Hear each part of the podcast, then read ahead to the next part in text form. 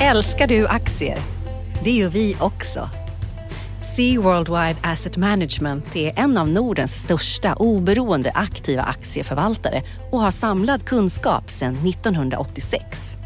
Ta del av vår kunskap på seaworldwide.se. Bokstaven C, worldwide.se.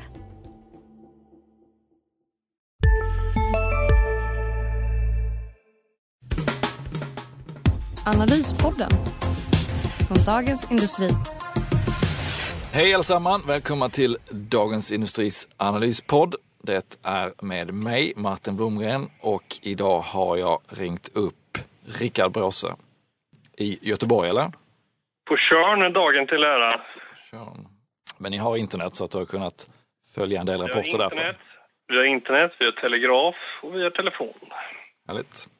Eh, du, vi är mitt uppe i den mest hektiska rapportdagen under det här kvartalet och vilka storrapporter har du fått i ditt knä den här dagen? Jag har väl kommit ganska lindrigt undan eh, med Sandvik. Och jag tycker väl att det är samma spår som man har sett i tidigare verkstadsrapporter. Svag orderingång.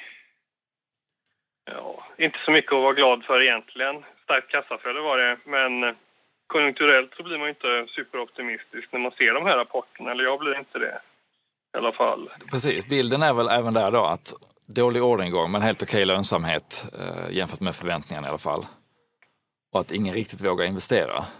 Precis, och, och man, folk snackar om att det har varit blandat i, i rapporterna här liksom, men starka sign, signaler från McDonalds och Axfood är inte något man bygger en konjunkturuppgång på liksom. Jag tror att de flesta hade bytt stark hamburgare mot eh, ett starkare Nordamerika på den industriella fronten. Så tänker jag i alla fall. Men ehm, nu hade vi Electrolux som kom här idag som hade goda besked från Nordamerika. Den, den har du tittat på. Så Ja, det var precis innan jag ringde upp dig så hade jag Keith McLaughlin eh, Eh, på tråden som är vd på Electrolux. Och eh, deras rapport var faktiskt ganska bra. Där har ju Nordamerika varit ett eh, bekymmer av två skäl tidigare. Dels på grund av att eh, nya energiregler från eh, myndigheterna har, har tvingat dem att eh, göra om lite på produkterna och det har tagit ner eh, vinsten rejält i USA. Och sen så har de den här stora affären som de vill göra med General Electric där de vill köpa deras vitvarudel. Eh, och det var ju mer än ett år sedan de aviserade den men nu har justitiedepartementet satt sig emot den och de förde diskussioner om eh, eftergifter på den affären. Så att det har varit två väldigt stora USA-grejer som har hållit, eh, hållit tillbaka Electrolux och när det gäller eh, den här justitiegrejen så är det inte det klart utan det kommer gå i domstol om inte de kommer överens. Eh, men när det gäller själva rapporten och utvecklingen under fjärde kvartalet så, så sticker den ut positivt. De är tillbaka på en lönsamhet över 6% i USA. Eh, koncernmålet är 6% och det, det har varit nere kring, kring noll under problemkvartalen här tidigare. Så att eh, de har fått ordning på, på energidelen där och sen så har de en spisfabrik som de inte har fått upp i full speed än. Men, men det verkar också vara på gång så att det är snarare uppsida då om de får fart på den fabriken. Så att, Eh, det ser, det ser bra ut i USA. De höjer även prognosen för, eh, för eh, efterfrågan på vitvaror till 4 till 6 procent. Det är ingen jätteskräll eftersom det kommer sådana här AHAM-siffror som visar månad för månad hur det går. Och, eh, där står de flesta stjärnor rätt just nu, i alla fall i USA. Det är låga räntor, det är hus, husaktiviteten ser bra ut, arbetslösheten går ner. Så att, eh, det, det är nog en tydlig skillnad mellan industribolag och konsumtionsberoende bolag. Så hamburgare och vitvaror går bra medan allt som är liksom industriellt, speciellt väl mot olja, gas och mot, eh, mot mining, gruvsidan, har ju det väldigt tufft. Men är du överbevisad av, av konsumtionssidan? Alltså, är allt frid och fröjd? Tror du att allting kommer vara frid och fröjd när vi gör en podd om ett halvår i USA? Nej, det, det, är väl, eh, det är väl den frågan som har dykt upp det här kvartalet som har varit ny och kanske överraskande jämfört med om vi stod två, tre veckor tillbaka och blickade in vad som skulle kunna komma i, i rapporterna så, så visste man ju om att Kina kommer vara tufft, eh, Latinamerika med Brasilien kommer vara urtufft, speciellt på att valutan har kollapsat av den bras- brasilianska realen. Men att Nordamerika skulle vara så svagt i många av industribolagen, det är väl den stora, stora skrällen, negativa skrällen. Mm. Det var ju ner, det var väl ner 10-11 procent i SKF, den organiska försäljningen. Och Jag vet inte hur det ser ut i Sandvik på, på USA. Han du titta på det? Jag har inte siffran i huvudet, men eh, det var ju så alltså, Det är ju Kina och USA som är svagt. Mm. Uh, och vi hade ju Atlas Copco, när kom den? Det var ju tidigare i veckan. Då var det 7-8 minus ja. i Nordamerika. Ja, precis. Och, alltså det är väl ganska tydligt att de första indikationerna där när oljepriset började falla förra vintern då, om man frågade industribolagen då så var de eh, inte så oroliga. Nej, men vi har bara en 7-8 procents exponering och det är, det är ingen fara. Liksom. De, de här, eh, det är långsiktiga åtaganden, de här projekten fortsätter. Men i takt med att, att oljepriset höll sig nere så, så bromsar allt fler och det kommer in en helt annan kostnadsmedvetenhet i hela oljesektorn. Så att, um, det slår ju igenom, inte, det slår igenom hårt på de här få procentens exponering man har. Men det slår också igenom genom att kunder man kanske inte riktigt tänkte på att de var exponerade i sin tur exponerade. Så att de här smittoeffekterna ser vi faktiskt ganska tydligt i, i flera av de stora industribolagen. Och det är väl det som är skiljelinjen här. Om man tittar på Electrolux, McDonalds, andra konsumentberoende bolag, om man tittar på industribolag med eh, hyfsad eller åtminstone viss eh, exponering mot olja och eh, gruvsidan så, så blir det en väldigt tudelad bild. Ja, det känns som jag sitter varje gång jag är med i den här podden och surar och säger att eh, börsen ska gå ner. Men eh, och, man tolkar kanske alltid tillvaron till sin egen fördel där. Men nu kom ju bankerna tidigare i veckan också. Ja, precis. Eh, alla, alla fyra storbanker var ju faktiskt sämre än väntat. Eh, och när det är sämre tider i bank så blir det snabbt sämre tider för eh, börsen också. Och våran eh, il-professore Mikael Vilenius hade ju en bankanalys tidigare i veckan mm. som man ska ta och läsa. Det var väl slutsatsen att man nog inte ska hoppas på någon snabb vändning i banksektorn i det här läget utan att det kan komma att dröja. Och det tolkar jag också som att det kan att det inte båda gott för börsen. Nej, det, de väger ju tungt i index och de har hållit kurserna uppe bra av eh, att de har så otroligt höga utdelningar i förhållande till de flesta andra. Så direktavkastningen är ju väldigt lockande. Men det är klart, minsta tvivel på att de inte kan dela ut så mycket som, eh, som man tror eller hoppas eh, slår ju hårt på kursen då. och det är kanske är det vi ser. Det kanske är utländska ägare som, som blir rädda att de inte ska få den utdelning som de har köpt bolagen för. Mm. Men samtidigt, de är ju de är ju väldigt Sverige-tunga och eh, Norden-tunga och Europa och Norden går ju trots allt bra så att eh, det ska ju till mer än så här tror jag för att, för att man ska sänka bankerna ordentligt. Det ska ju till eh, antingen väldigt mycket tuffare krav på kapitaltäckningen eller att, att Europa och Norden eh, konjunkturellt smittas mycket mer än vad det har gjort hittills. För att Europa mm. sticker ju trots allt ut som det här kvartalet också som, som att det håller uppe väldigt bra i, i de internationella bolagens rapporter. Så att, eh, ja, snarare kanske att bankerna inte blir uh, någon, uh, något som driver index uppåt, men jag har svårt att säga att det skulle bli en riktig, uh, ett riktigt sänke om inte det kommer liksom mer, mer information kring uh, svenska och nordiska marknaden. Mm. Så det räcker med, med liksom någon slags uh, dragis, magiska... Just nu pågår vår stora season sale med fantastiska priser på möbler och inredning. Passa på att fynda till hemmets alla rum, inne som ute, senast den 6 maj. Gör dig redo för sommar. Välkommen till Mio. CSRD, ännu en förkortning som väcker känslor hos företagare. Men lugn, våra rådgivare här på PWC har koll på det som din verksamhet berörs av. Från hållbarhetslösningar och nya regelverk till affärsutveckling och ansvarsfulla AI-strategier. Välkommen till PWC. Eh, vad heter det? Trollspö? Ja, det är ju det. Som, som, som liksom draglok för börsen då, eller vad, eller vad är det som ska lyfta?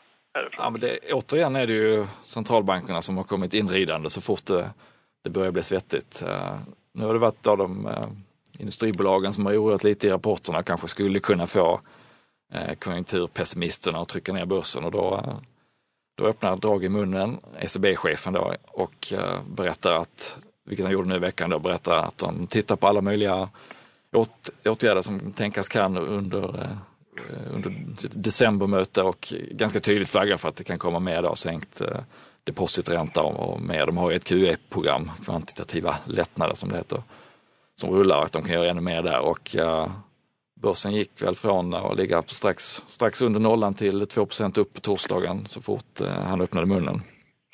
Så att det är väldigt tydligt vad det är som, som räddar uppgångarna varje gång.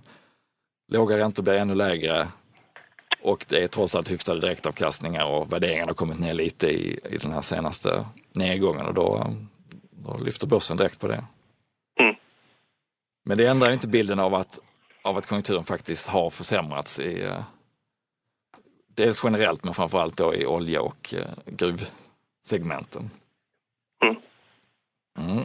Men om man, om man summerar rapporterna hittills och då står vi vid lunchtid på fredagen här och eh, en del av fredagens rapporter har inte kommit än men jag tittade igenom de som SME direkt sammanställer prognoser på som hade hunnit komma fram till eh, 11-klippet på fredagen. Då var det ganska jämnt skägg mellan antalet positiva överraskningar och negativa. 17 på plus, 18 minus och 8 var eh, ungefär som analytikerna räknat med då.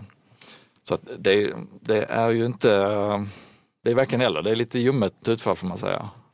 Ja, jag tittar ju på operatörerna i veckan här eh, som har gått väldigt starkt mm. efter sina eh, rapporter. Eh, och det är ju ganska naturligt, tänker jag i alla fall, om nu order i de här cykliska sektorerna är lite eh, svagt så det kanske är bekvämt att glida in i ett eh, Telia Sonera som fick storstryk i förra veckan när den här Carson Block, eller vad han nu heter, var inne och raidade lite. Mm, Muddy Waters. Muddy Waters, ja. Ehm, men där lyckades de... Slutsatsen i, i, i, deras case var ju att när de, när de har betalat sina eventuella böter och gjort sig av med Eurasia som de inte kommer få betalt för enligt den här äh, blockpersonen så äh, sitter de kvar i en nordisk rörelse som är liksom dödsdömd och ganska ointressant. Men där äh, ger de ju ganska tydligt svar på tal med en organisk ebitda-tillväxt i kvartalet på, på över 3 procent. Och Tele2 hade ganska tuffa jämförelsesiffror på, på ebitda eh, på grund av att de höll igen sina marknadsföringskostnader förra året. Men om man Tittar på mobilsidan för dem i Sverige så ökar de också 3 Så stabila grejer som växer det blir eh, attraktivt i, en, eh, i, i den här miljön tror jag. Eh, den här Muddy Waters-rapporten då som fick Telia att eh, tokfalla, den kom i förra veckan och eh, siffrorna du pratar om var ju då rapporten som kom i den här veckan, eller hur? I tisdags ja. I tisdags och om man summerar de här senaste dagarna så är ju kursen tillbaka över nivån där där den låg när Muddy Waters gjorde sitt utspel. Så att eh, den skrämsel de lyckades få upp har ju försvunnit i med rapporten och så har de inte mer att komma med så kanske vi kan lägga Muddys till handlingarna. Ja, och igen i efterhand så det var ju en väldigt okaraktäristisk reaktion den där torsdagen när det där brevet kom i Telia Sonera. Jag vet inte när, när man såg ett sånt ras i Telia Sonera intradag. Jag vet inte om jag har sett det i alla fall. Um, Nej, det, men det man väl kan säga är att det visar ju hur tydligt eh, utdelningscaset är grejen med Telia. Jag tror inte att, att, att så många blev skrämda av att av det här med myterna i sig kanske, eller att vinsterna skulle inte vara lika bra som tidigare. Men eh, man fäster blicken direkt på utdelningen för det är den som, det är den som håller Telia uppe. Mm. Det, är den man vill åt till stor del och eh, Uh, lyckas man skjuta ner det utdelningscaset så skjuter man ner aktien också. Men du tittade på Tele2 också sa du och uh, det har kommit en hel del andra teleoperatörsrapporter, va? Telenor och Millicom. Har du satt tänderna i någon mer? Nej, jag var ute på äventyr och träffade Martin Lundstedt igår när Millicom kom med en eh, rapport som överskuggades ganska rejält av att de hade upptäckt oegentligheter i Guatemala Eh, det verkar vara ett tema för teleoperatörer att de kanske mutar sig fram och tar lite genvägar här och där. Den var ju ner över 10 procent igår. Mm. Men om man går tillbaka till, till, till Muddy Waters också. Där kom det ju efter brevet så var ju analyshus efter analyshus ute och dömde ut den där värderingen han gjorde och förklarade, gjorde det tydligt att om man tar alla antaganden Muddy Waters har gjort så landar man inte på 27 till 29 kronor per aktie utan man landar plus minus några kronor runt 40 istället. Och där var ju aktien då. Så att den biten var, blev lite överdramatiserad. Det de hade var ju ganska grundligt arbete kring eh, mutorna och, eh, Och det där har ju, de, har ju Telia Sonera nu då till förklarat och också avdramatiserat. Så att, eh, te, Telia Sonera ser nog ser lite kuligare ut än vad den gjorde för en vecka sedan. Ja, vi får väl se om de har något S till att spela ut i, i Muddy Waters. Ja, de har väl inte dykt upp i några sådana här eh, blankningsregister eller så, vad jag kan se. Nej, det, det verkar inte så. Inte så att de har kommit över den nivån som krävs för att, eh, att rapportera in det där. Nej. Ja, mycket oklarheter i, i den frågan. Ska vi blicka lite framåt? Det är visserligen lugnare nästa vecka, men det kommer ändå en del intressanta bolag. Det är, Som Alfa Laval va? Som Alfa Laval och Hexagon är väl två av de stora pjäserna på svenska marknaden. Eh, och sen har vi Apple i USA som kommer med sin rapport. Första rapporten där nya iPhone är med och ett helt kvartal med deras eh, Spotify-utmanare Music i siffrorna. Och så har vi Volkswagen, inte att förglömma, som vi har haft en del att stå i under kvartalet. Det kan väl bli intressant att se om, om det är fler avsättningar eller fler avsättningar inte bara av eh, folk då, utan avsättningar av pengar i balansräkningen till, till kostnader som, eh, som det här lär kräva den här rejäla smällen på grund av dieselfusket. Och vad har vi mer? Vi har Riksbanken och Fed som ska ut och komma med räntebesked och det är ju intressant naturligtvis i eh, kölvattnet av ECB-händelserna den här veckan. Det är ju lite av ett valutakrig på gång att segla upp igen då när ingen vill, alla vill sänka räntorna och eh, försvaga sin egen valuta för att gynna sin egen region. Ja. Man börjar bli lite trött på det kan jag tycka.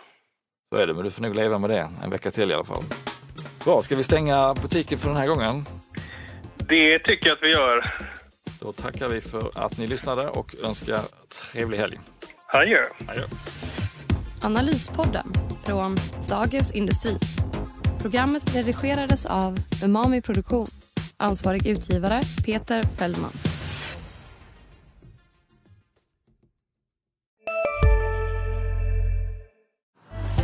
Älskar du aktier?